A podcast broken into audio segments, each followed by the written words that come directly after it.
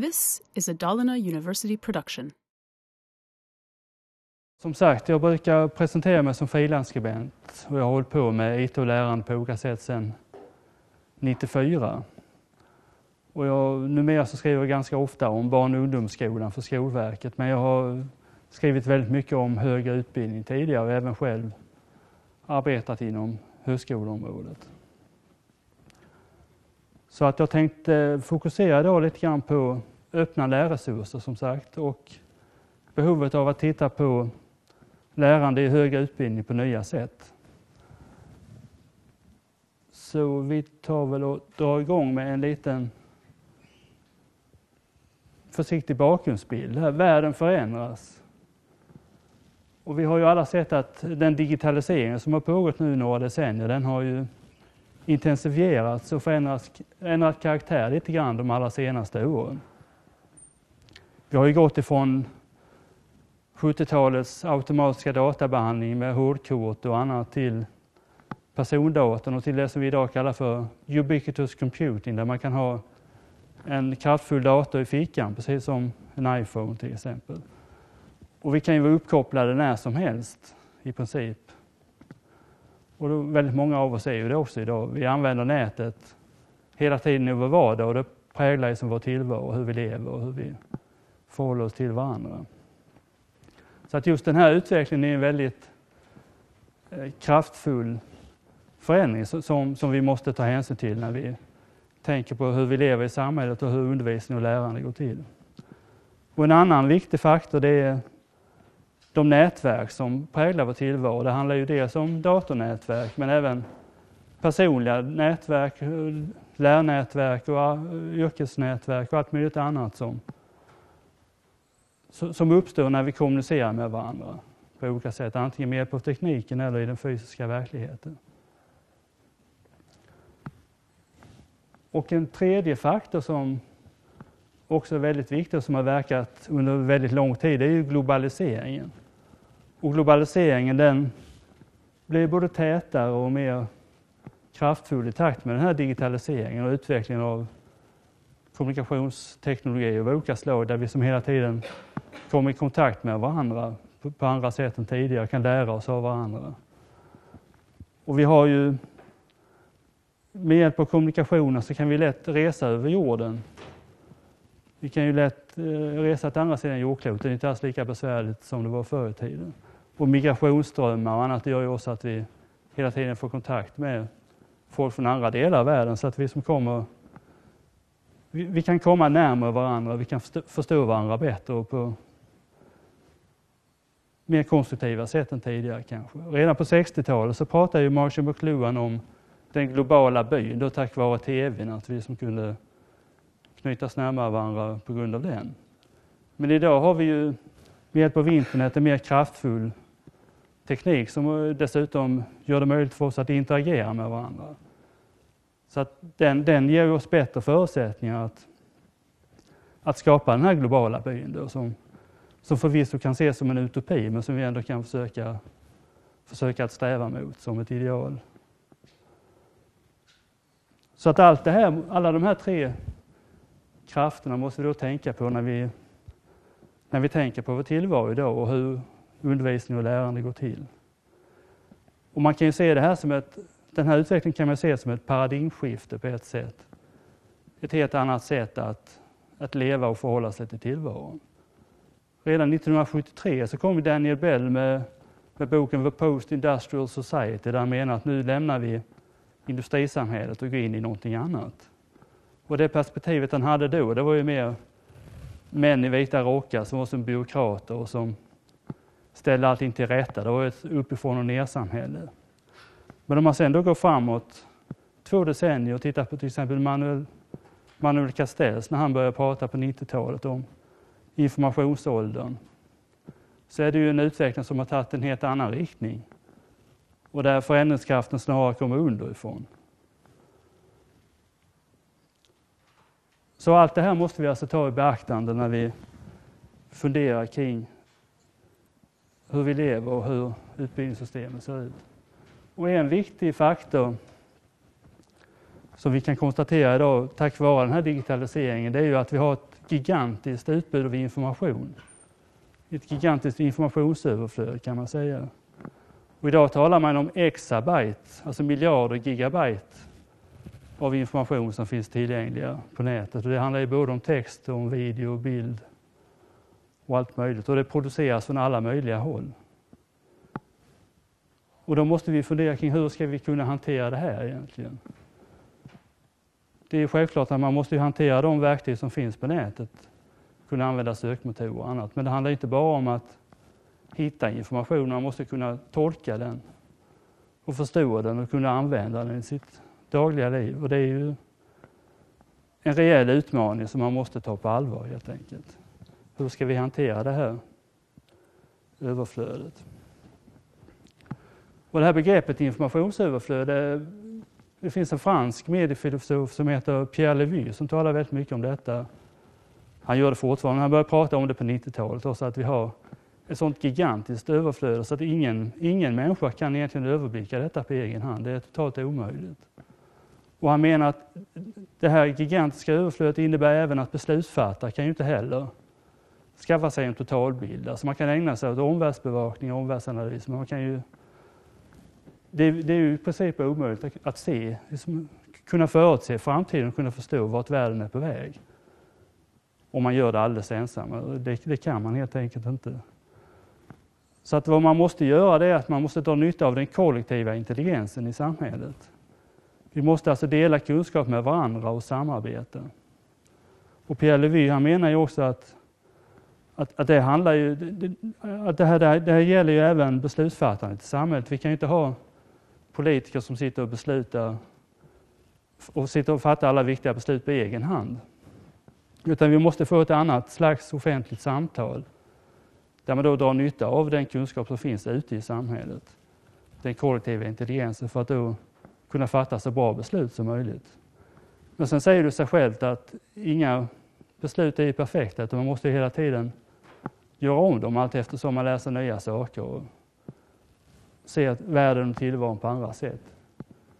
Men för att det hela ska fungera så måste vi alltså dela kunskap och samarbeta med varandra.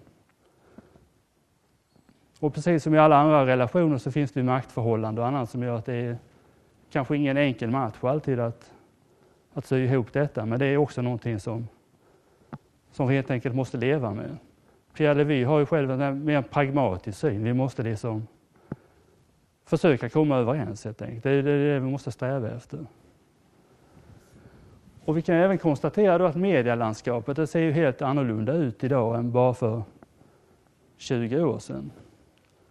Radio, tv och tidningar de finns ju fortfarande och de har ju sin roll att spela. Men frågan är egentligen vilken roll som de traditionella medierna ska spela idag.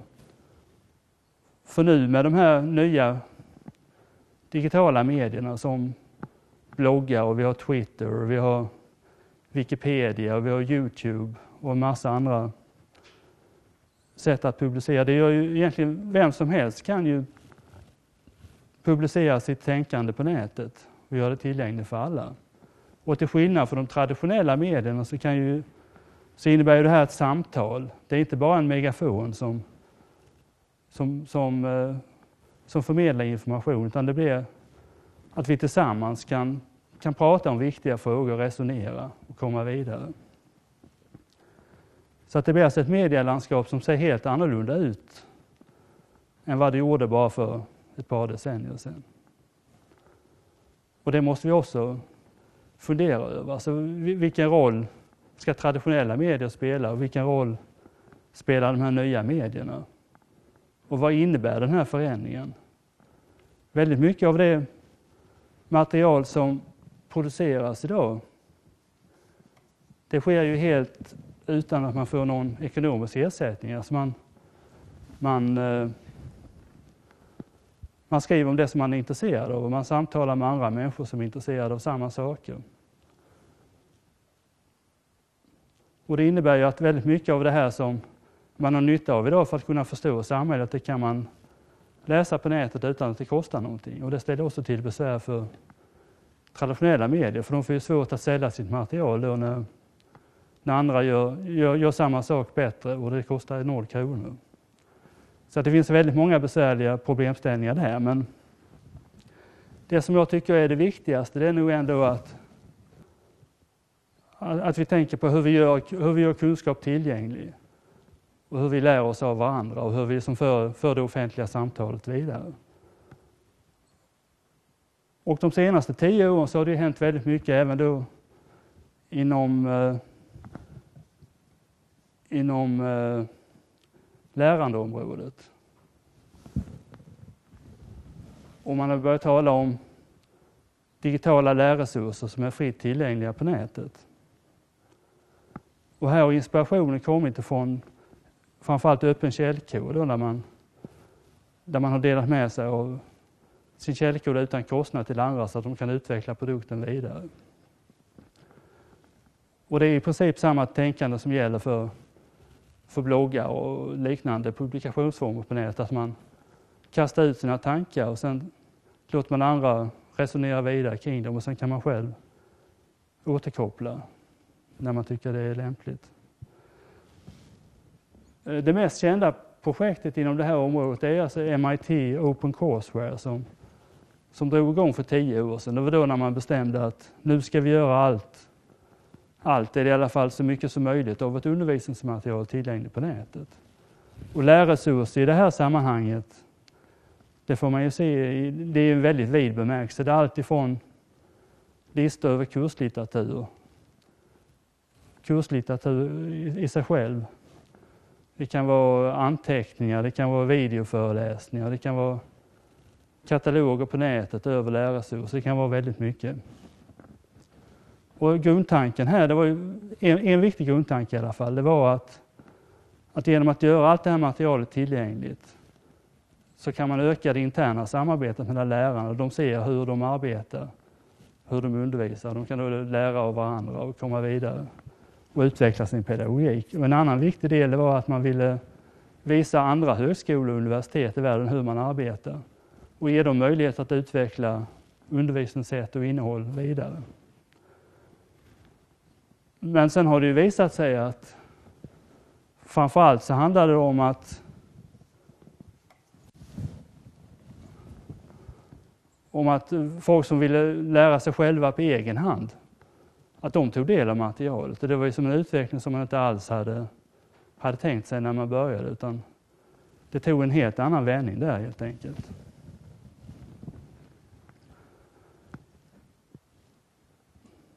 Och idag kan man se då att efter, efter MITs start 2001 så har det, har det här eh, sättet att sprida sina lärresurser på nätet spritt sig över hela världen. Och det är ofta de stora universiteten som MIT och Harvard och, och, och så vidare som, som, liksom för, som, som tar täten och, och som visar hur man ska gå tillväga. Och det har även skett översättningar då av de här stora amerikanska universitetens lärresurser till spanska och till kinesiska till exempel. Så att väldigt mycket av det här kommer utvecklingsländerna till del. Unesco de är också väldigt intresserade av det här med, med öppna lärresurser. De har lagt ner väldigt mycket arbete inom detta. De har skrivit en massa rapporter och undersökt hur man ska gå tillväga för att det här ska komma till, till, till så stor nytta som möjligt helt enkelt för världen. Men sen finns det även andra sätt att skapa öppna digitala lärresurser. Det är inte bara universiteten som sprider sitt material vidare utan det finns som till exempel Connections i Texas. Det drivs av Rice University. Men eh, de ger egentligen möjlighet för alla som vill att skapa undervisningsmaterial för högre studier. Och där skapar man det i modulär form så att man kan, lätt kan ställa samman sin egen kurs ifall man vill. Så här är det alltså öppet för alla och det är, och här har man alltså varit, varit igång i nästan det är inte riktigt tio år, men det är väl drygt fem år i alla fall som man har varit igång. Så att här har man hittat en modell som, som kan vara intressant att titta lite närmare på.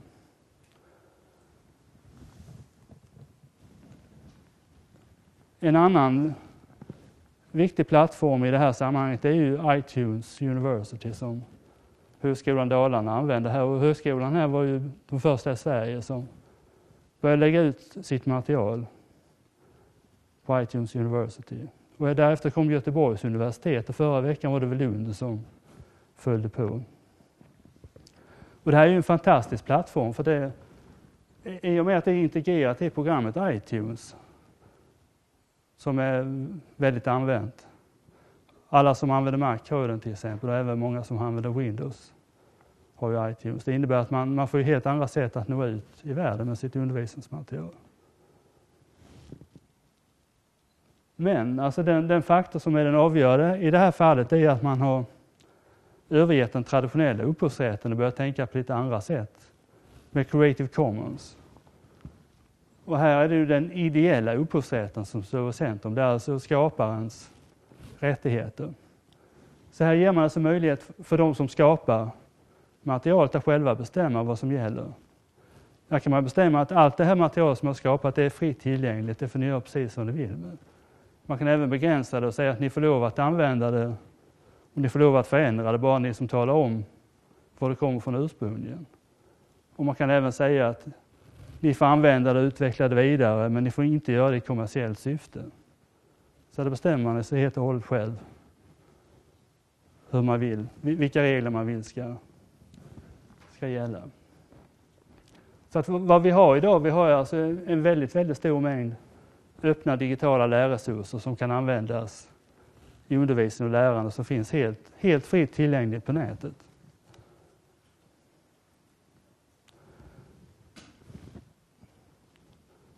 Men alltså det som var tanken med, med det här ursprungliga, det var ju att även om det är de här stora fina universiteten som har gjort materialet så har man inte tillgång till någon lärare. Man kan ju inte heller ta ut någon examen.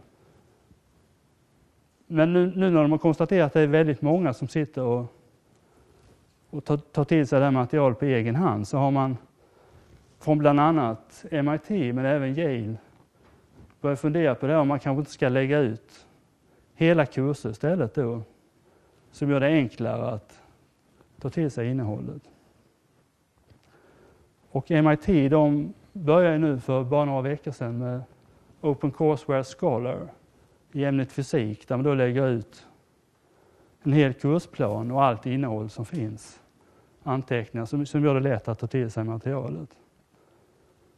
Och detsamma har då Yale gjort. De har startat Open Yale Courses inom, inom Liberal Arts Studies, alltså mer allmän, rena allmänbildningskurser. Men för att det här verkligen ska kunna fungera på ett bra sätt så, så att inte var och en sitter ensam i sin egen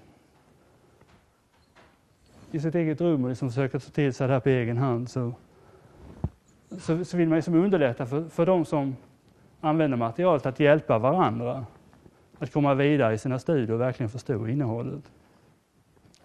Men precis som innan så vill man ju inte lägga ner några egna resurser. Man vill ju inte avsätta lärare för detta för man tjänar ju inga pengar på det och sådär direkt. Utan men, men däremot vill man ju som gärna, i den mån man kan, underlätta för studerande. Så då har man samarbetat med Open Study som är en, en ny sån här slags community på nätet som startas av två lärare och en student vid eh, några universitet i delstaten Georgia i USA. Och det är i princip en enkel anslagstavla, men då kan ställa frågor. Man, man, kan skapa en sån här grupp för, för en kurs och så kan man då diskutera innehållet där. Och det har ju precis startat igång det här eh, arbetet med den här plattformen. Så hur det här kommer att funka det är ju ingen som vet egentligen. Man kan även integrera det i Facebook så att man liksom ser, ser flödet där istället så man inte behöver logga in här på OpenStudy varje gång som man vill se vad som har hänt. Och vid sidan av den här så har det även skapats en massa mindre, mer, mer lokala studiegrupper på nätet. Det finns i några kanadensiska städer till exempel så har man skapat sådana här egna studiegrupper på nätet där man kan samarbeta. Och vi är även på väg mot fria, helt fria nätbaserade kurser där man ska kunna, kunna få poäng, alltså kunna, kunna kunna tillgodogöra sig detta i sin examen. Och det här drog igång för bara någon månad sedan där det är tre stycken universitet. Ett i Nya Zeeland, sen är det ett i Kanada och ett i Australien. De försöker då tillsammans ta fram ett ramverk för, där man ska kunna ge studerande poäng då för, för, det, för det som de har lärt sig med hjälp av öppna lärresurser på nätet.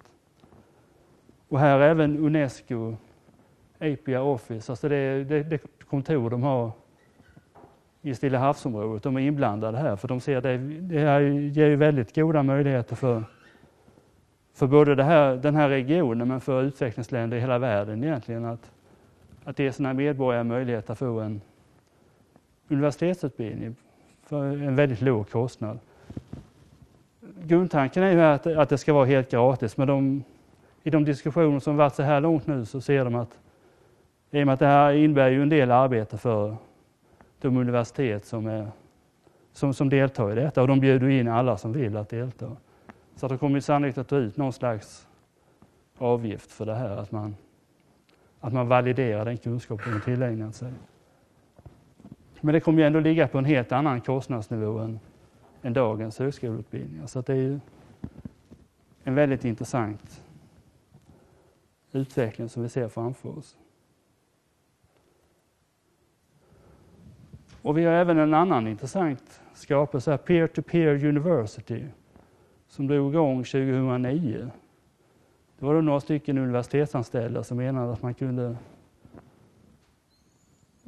skapa ett helt nytt universitet där alla, där alla kan delta. Det är för alla, av alla, om nästan vad som helst. Man kan själv starta en kurs inom vilket område som helst. Det behöver inte vara något, något riktigt ämne utan det kan vara precis, i, i princip vad som helst. Men för att kunna göra det så måste man då ta ansvar för, för den här kursen. Man kan göra det själv eller tillsammans med andra. Man måste bestämma vad, vad kursen ska handla om. Man måste ta fram en litteraturlista. Man måste som hålla i allt det här praktiska så att, så att kursen fungerar. Men däremot behöver man inte vara expert inom området. Alltså väldigt många har ju startat en sån här kurs för att de, de själva är intresserade av området. Så, så, så tillsammans kan man då lära sig mer.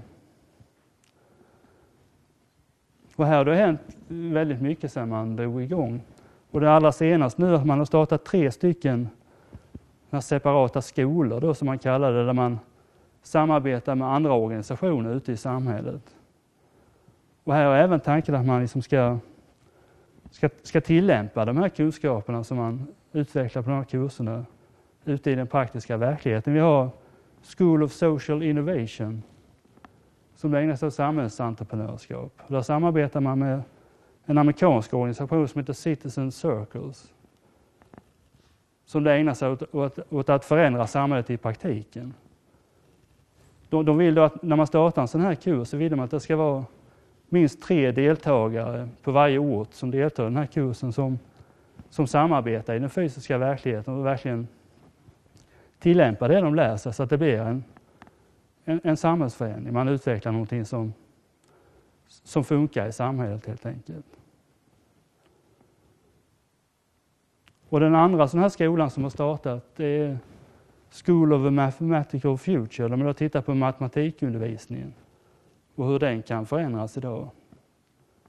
Och här handlar det väldigt mycket om att kunna, kunna använda IT i matematikundervisningen så att den blir mer, mer lättillgänglig och mer förståelig. Och här samarbetar man då med lite olika organisationer som, som syftar till detta. Så här vänder man sig både till matematiklärare men även till andra som, som kan vara intresserade inom det här området. Och här är ju tanken då förstås att det ska få genomslag ute i skolan så att man börjar arbeta på de här sätten.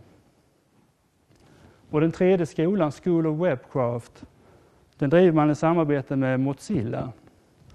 Och Mozilla det är då det företag som ligger bakom eh, webbläsaren Firefox. Så här vill man då liksom utveckla eh, webbutveckling kan man säga. Man, man, man har väldigt konkreta kurser i hur man, hur man bygger en interaktiv webb med dagens teknik. Det kan handla om att lära sig nya programmeringsspråk, det kan lära sig använda sig om, det kan handla om HTML5 och så vidare. Och här kan man se att det är samma tendens som vi har sett ganska länge nu där högskoleutbildningen inom IT-området har inte alls samma status som, som till exempel de höga certifikatsnivåerna från Microsoft eller Cisco. För på högskolan har man ofta legat flera steg efter. Det har inte alls varit aktuellt där man har undervisat i. Så här vill man liksom lyfta ännu ett steg och liksom verkligen erbjuda kurser som, som tar upp det som är det allra hetaste just nu. Och man vill även försöka utveckla någon slags eh, man kan kalla det betygssystem, alltså de pratar om, om badges, alltså knappar i olika färger som de studerande kan ge till varandra där man då visar att nu har man nått upp till en kunskapsnivå som, som motsvarar det här. Och man tror då att, eller hoppas i alla fall, att det här, det här poängsystemet ska kunna, kunna få ett värde på arbetsmarknaden ganska snart. Alltså det som kan mäta sig med de här olika certifikaten till exempel. Så att här har vi också mycket intressant mycket intressanta saker att titta närmare på framöver.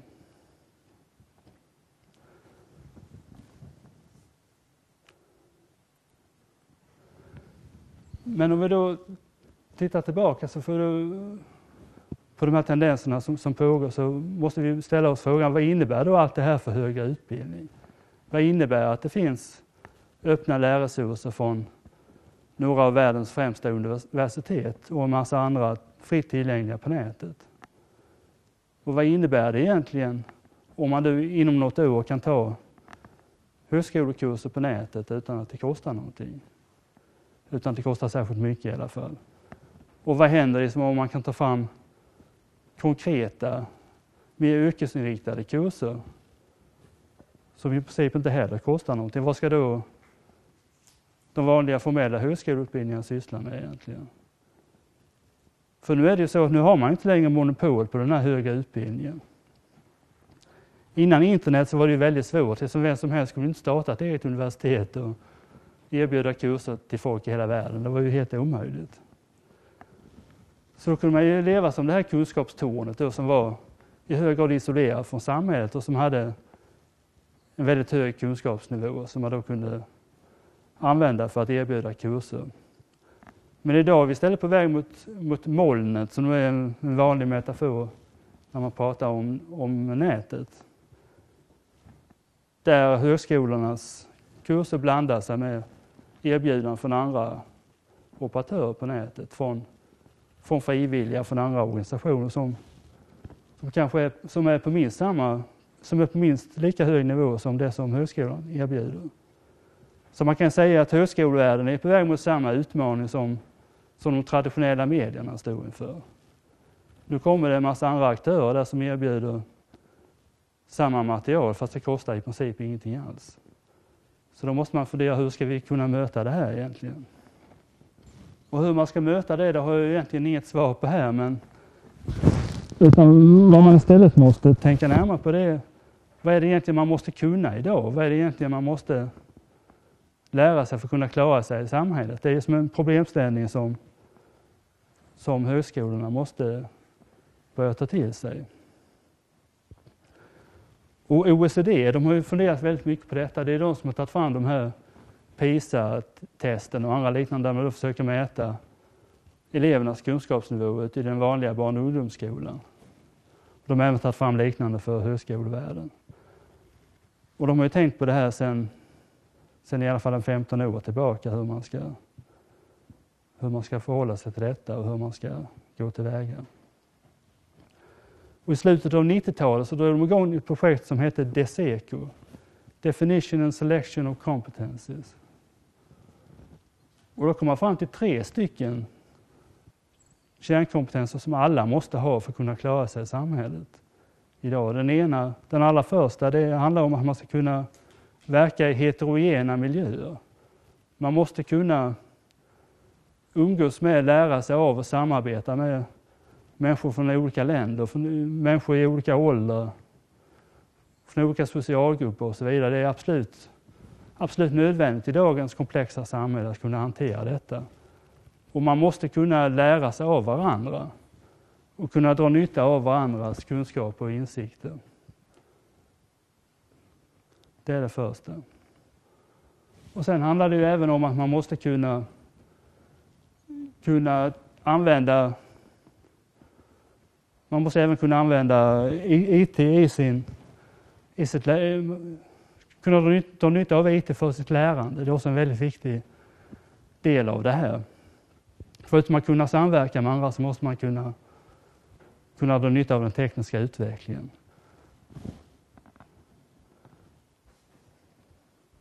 Det är det absolut viktigaste. Det, det är de kärnkompetenser som, som man helt enkelt behöver för att kunna klara sig. Och där, här pratar man alltså inte om att man måste kunna någonting inom något särskilt ämne eller, eller den typen av kunskap, utan, utan det är på en mer, mycket mer grundläggande nivå. Och utöver det här så finns det även folk som har börjat fundera kring hur vi lär oss idag. Och där har vi en teori som kallas för konnektivism. Som har vuxit fram de allra senaste åren. Och det är framförallt en man som heter George Siemens som är verksam i Kanada som har utvecklat den här.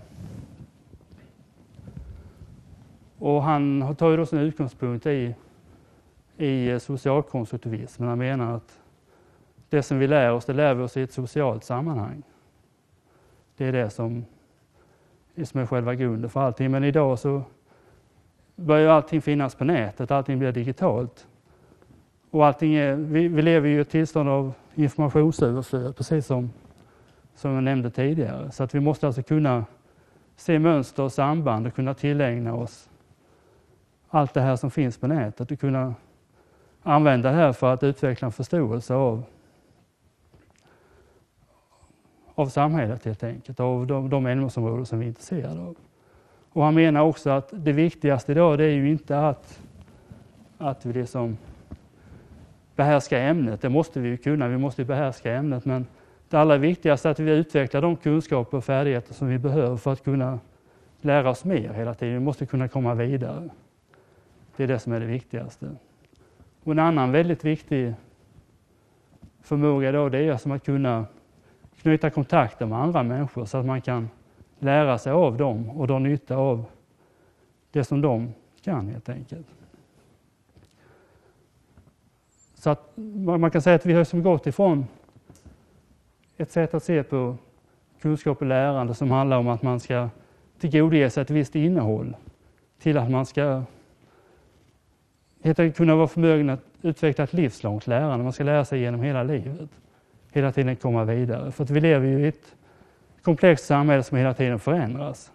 Och då måste vi kunna utvecklas och förändras i takt med samhället för att kunna hantera den verklighet som vi lever i.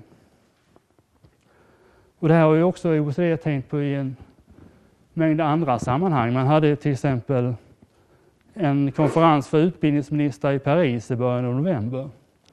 Och där slog man ju fast att i utbildningssystemet idag så är det ju i regel man, man fäster uppmärksamheten vid det som är lätt att undervisa i, det som är enkelt att mäta.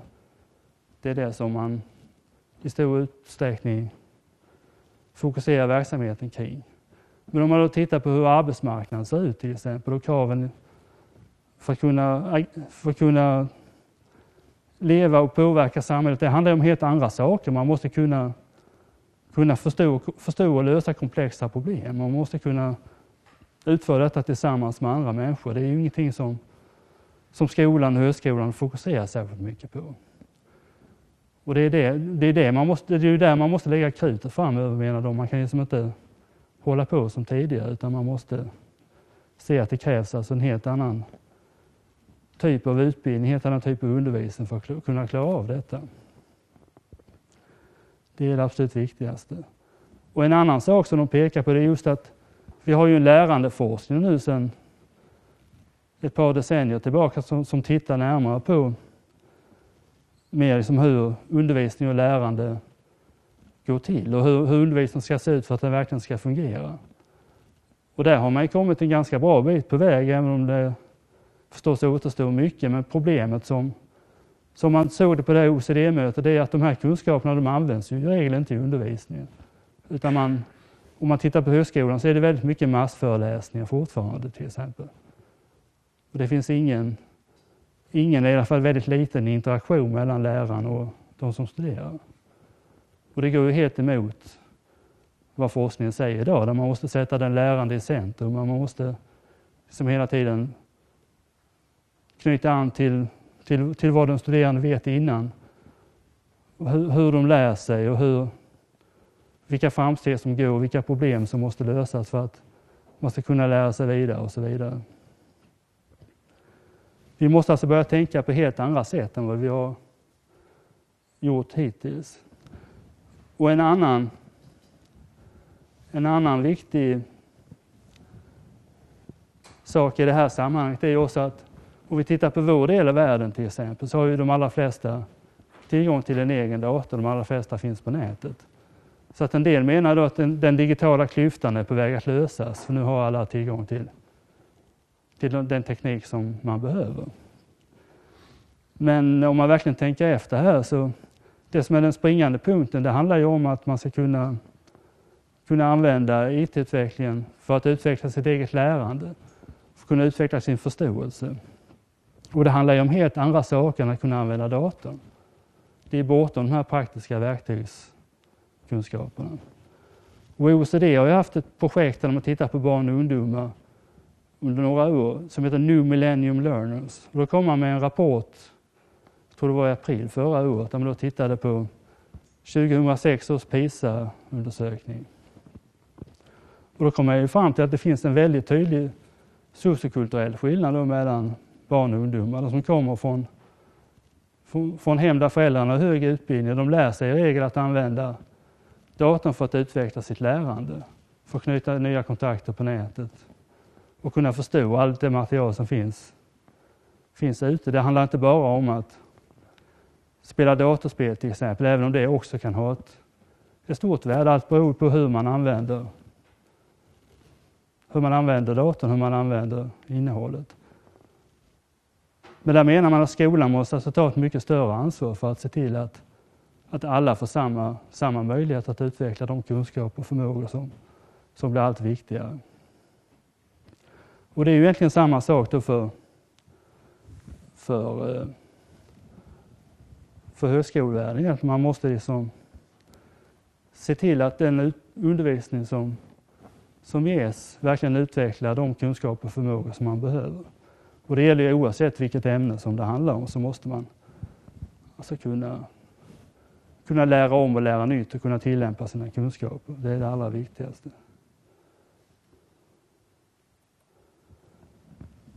Så då kan man ju börja fundera på hur ska man då gå tillväga för att undervisningen ska förändras.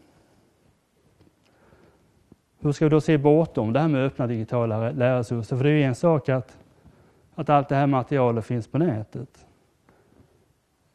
Det är ju en annan sak att, att se till att, att de som tar till sig detta verkligen lär sig det som de behöver.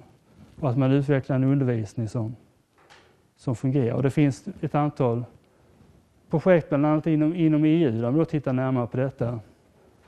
Hur man då ska gå tillväga för att förändra undervisningen. Och då tittar man ju både på vilka beslut man måste fatta för att institutioner och högskolor faktiskt ska, ska, ska börja arbeta på andra sätt. Vilka incitament man behöver ta till för att det här ska förändras. Så man tittar även på hur undervisningen ska se ut för att den ska fungera så bra som möjligt. Och väldigt många högskolor och universitet runt om i världen och även här i Sverige börjar titta på hur man ska kunna få in de här nya digitala medierna i undervisningen så att man inte bara sitter och gör som man har gjort tidigare utan man försöker tillämpa de här medierna som man tydligt kan se är viktiga ute i, ute i verkligheten och som man måste försöka få in i studierna på olika sätt. Och där har vi ju allt ifrån bloggar till Twitter och till Wikipedia, Youtube och så vidare som man kan använda. Och Twitter är det ju väldigt många som har börjat titta på nu under det allra senaste året. Både i USA till exempel och även några stycken här i Sverige. För då menar man att det här är ett sätt att få in mer informella sätt att lära i, i den formella undervisningen. Man kan diskutera kring viktiga problemställningar, frågor till exempel, utanför föreläsningstid. Man kan göra det när man själv har möjlighet. Och det här Twitter är en väldigt speciell, väldigt speciellt sätt att publicera sig på nätet och föra samtal. Alltså man kan skriva max 140 tecken i ett sånt här litet inlägg. Det kallas för mikrobloggande för några år sedan. Nu har man väl övergett den termen lite tror jag. Men, men trots att det är ganska begränsat i sin uttrycksform så kan man alltså använda det till väldigt mycket.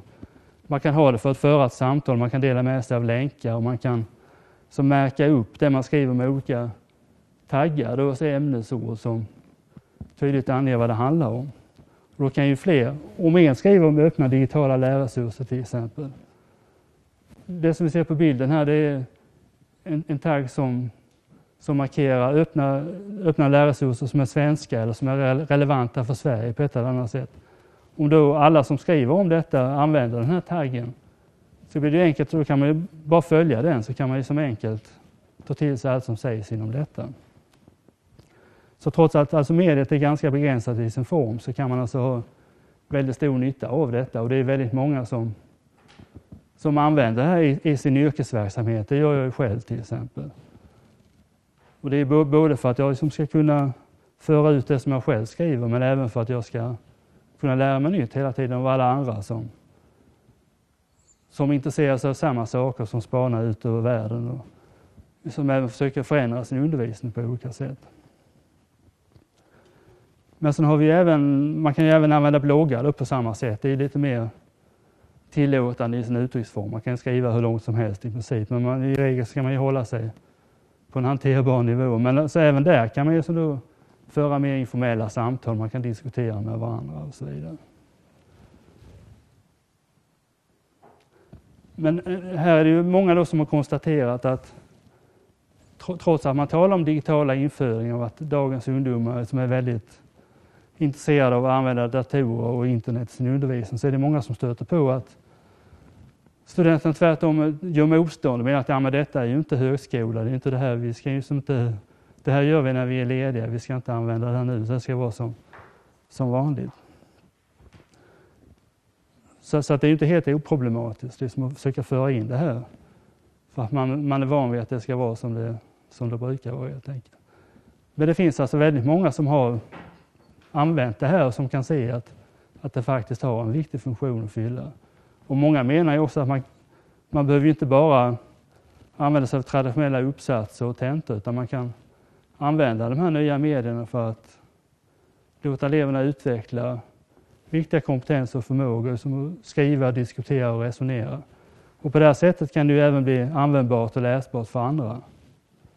Så att man inte bara begränsar läsningen till några stycken på kursen utan att utan det även finns tillgängligt för andra och man kan liksom föra kanske ett, ett utvecklande samtal även med andra människor utanför utanför högskolan.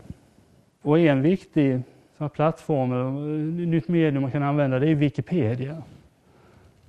Den, I väldigt många sammanhang så menar ju en del att eh, Wikipedia kan man inte riktigt lita på, så vem som helst kan ju skriva där så att sanningshalten kan vara lite varierande. Men det är ju lite felaktigt förhållningssätt. Alltså, Wikipedia har ju också funnits i tio år nu. Och där kan man ju tydligt se att kvaliteten håller ju ofta en väldigt hög nivå, framförallt på de stora språken som engelska och tyska till exempel. Och även på svenska så händer det väldigt mycket som utvecklar innehållet vidare. Så att det är en viktig sak för högskolan kan ju vara att man liksom för in Wikipedia i undervisningen och låter de studerande själva skriva artiklar där. Då lär man sig samtidigt att att utföra forskningsarbete. Man lär sig att förmedla sin forskning, man lär sig att samarbeta med andra. Man lär sig att ta, ta, ta kritik, man lär sig att svara på kritiken. Man, man lär sig egentligen allting det som, som en högskolekurs ska utveckla, men man gör det på ett, ett mer levande sätt och dessutom gör man det på ett sätt som, som andra kan, kan ta del av och dra nytta av. Och Mittuniversitetet de tog fram en sån här kurs för, för något år sedan. Wikipedia, författande, trovärdighet och teknik. Och den har ju fått väldigt mycket uppmärksamhet och där har man verkligen visat då att, att Wikipedia kan fylla en väldigt viktig roll i undervisningen. Och de studerande säger ofta att det ligger väldigt mycket arbete bakom att ta fram en sån här artikel i, i Wikipedia. Det är inte bara att man sitter och höftar utan man, man, man utför ett riktigt seriöst arbete. Och på en del amerikanska universitet, till exempel journaliststuderande, de, har, de använder också Wikipedia för att det, det, för de skriver egna artiklar och det så kan, kan de eh, förändra och förbättra befintliga artiklar som finns i Wikipedia. Så att det finns alltså väldigt många sätt som man kan använda för att föra in det här i undervisningen. Och ett intressant projekt som drog igång nu alldeles nyligen, det är det här Wikipedia-projekt som heter United States Public Policy, där amerikanska Wikipedia har dragit igång ett samarbete med, med 22 amerikanska universitet. Och det är varierande storlek på de universiteten. Det är både stora universitet som, som Harvard, och George Washington University och Berkeley och mindre lokala universitet som deltar. För här upptäckte de som jobbar med Wikipedia att det fanns inte så särskilt mycket bra material som handlar om politisk analys och som, som verkligen tittar på beslutsfattande i USA, hur det går till och vad det leder till. Så att då vill man försöka förbättra detta genom att få med sig universiteten och föra in det här i undervisningen. Så att under hela det här läsåret från förra hösten fram till i sommar så ska då de här studerande ta fram en massa artiklar som handlar om detta och lägga ut i Wikipedia. Och det här kommer då även att betygsättas. De håller just nu på och raggar folk som, som ska kunna betygsätta detta. Och då handlar det dels om att eh, bedöma enligt de formella kriterier som, som Wikipedia har, att det ska vara neutralt. Och det ska gå att förstå det som står i texten, den ska vara välstrukturerad. Man ska ange vilka källor man använder. Och så vidare. Och det är ju i princip samma kriterier som gäller när man skriver uppsats, så att man gör samma sak som i traditionellt uppsatsarbete men men det blir alltså tillgängligt, tillgängliggjort och kan användas av betydligt fler. Men för att det här ska funka så, så bidrar då Wikipedia med ambassadörer som finns tillgängliga på nätet. Som då hjälper de studerande att, att skriva sina artiklar på det sätt som Wikipedia kräver och lösa alla problem som uppstår. Och Wikipedia har även då lärt ut ett antal campusambassadörer som man kallar det, som finns, finns på plats på, på högskolorna och hjälper till där med allt det praktiska. Så här hoppas man alltså att man, har, att man kan komma fram till en lösning som, som man kan bygga vidare på och som kan stärka banden mellan Wikipedia och högskolorna. Och då handlar det inte bara om USA utan på sikt så hoppas man att även på andra språk så ska man kunna arbeta på det här sättet. Ja, alltså på senare år så har man även börjat se på det här med utbildning och lärande på, på helt andra sätt än vad man har gjort tidigare. Det handlar inte bara om att man ska... Alltså den, den utbildningskultur som vi har, som vi har nu, den bygger vidare på, på ett helt annat samhälle egentligen, mer, mer på ett industriellt tänkande. Där det handlar liksom om att lära sig det som står i den litteratur som läraren har valt ut. Men när vi nu lever i ett samhälle som förändras väldigt snabbt, där teknikutvecklingen är väldigt drivande, så måste man som börja ställa sig frågan om detta är det viktigaste egentligen. Och då finns det väldigt många som har pratat om detta. Och, har, den typen av diskussioner den, den fanns ju även för hundra år sedan med John Dewey till exempel och även eh, Vygotsky och andra som, som liksom funderar på hur lär vi oss egentligen, vilken typ av kunskap är viktig och hur ska man liksom se på det här med undervisning och lärande. Den här boken som man kan se i omslaget på A New Culture of Learning som kom för någon månad sedan. Där utgår de ifrån, ifrån eh, en nederländsk kulturhistoriker som skrev en bok 1938 som heter Homo ludens, den lekande människan. Johan Huizinga hette han som skrev den här boken. Och han menade att nyfikenhet är alltså en viktig utgångspunkt för att man ska kunna lära sig. Man måste undersöka och lära sig förstå världen på det sättet.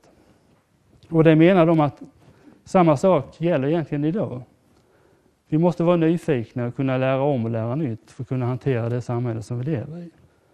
Det är det viktigaste. Därför menar de att hela utbildningssystemet och sättet att undervisa måste göras om. Och den, har, den här boken har väckt ganska stor uppmärksamhet i USA. Och där pågår ju redan nu en debatt kring hur utbildningssystemet ska se ut. Och man försöker då tänka om och tänka nytt där. Så förhoppningen är ju att den diskussionen ska spridas även komma hit, så att vi börjar ta upp de här viktiga problemställningarna som vi måste ta till oss idag. Så att sammanfattningsvis så kan man ju säga då att vi står inför en rad mycket viktiga utmaningar och möjligheter. Nu när allt mer undervisningsmaterial finns på nätet och vi kan lära oss av varandra med hjälp av tekniken så måste man ju ställa sig frågan hur ska då högskolevärlden förhålla sig till detta? Vilken roll ska man då ta sig i det samhälle som håller på att växa fram?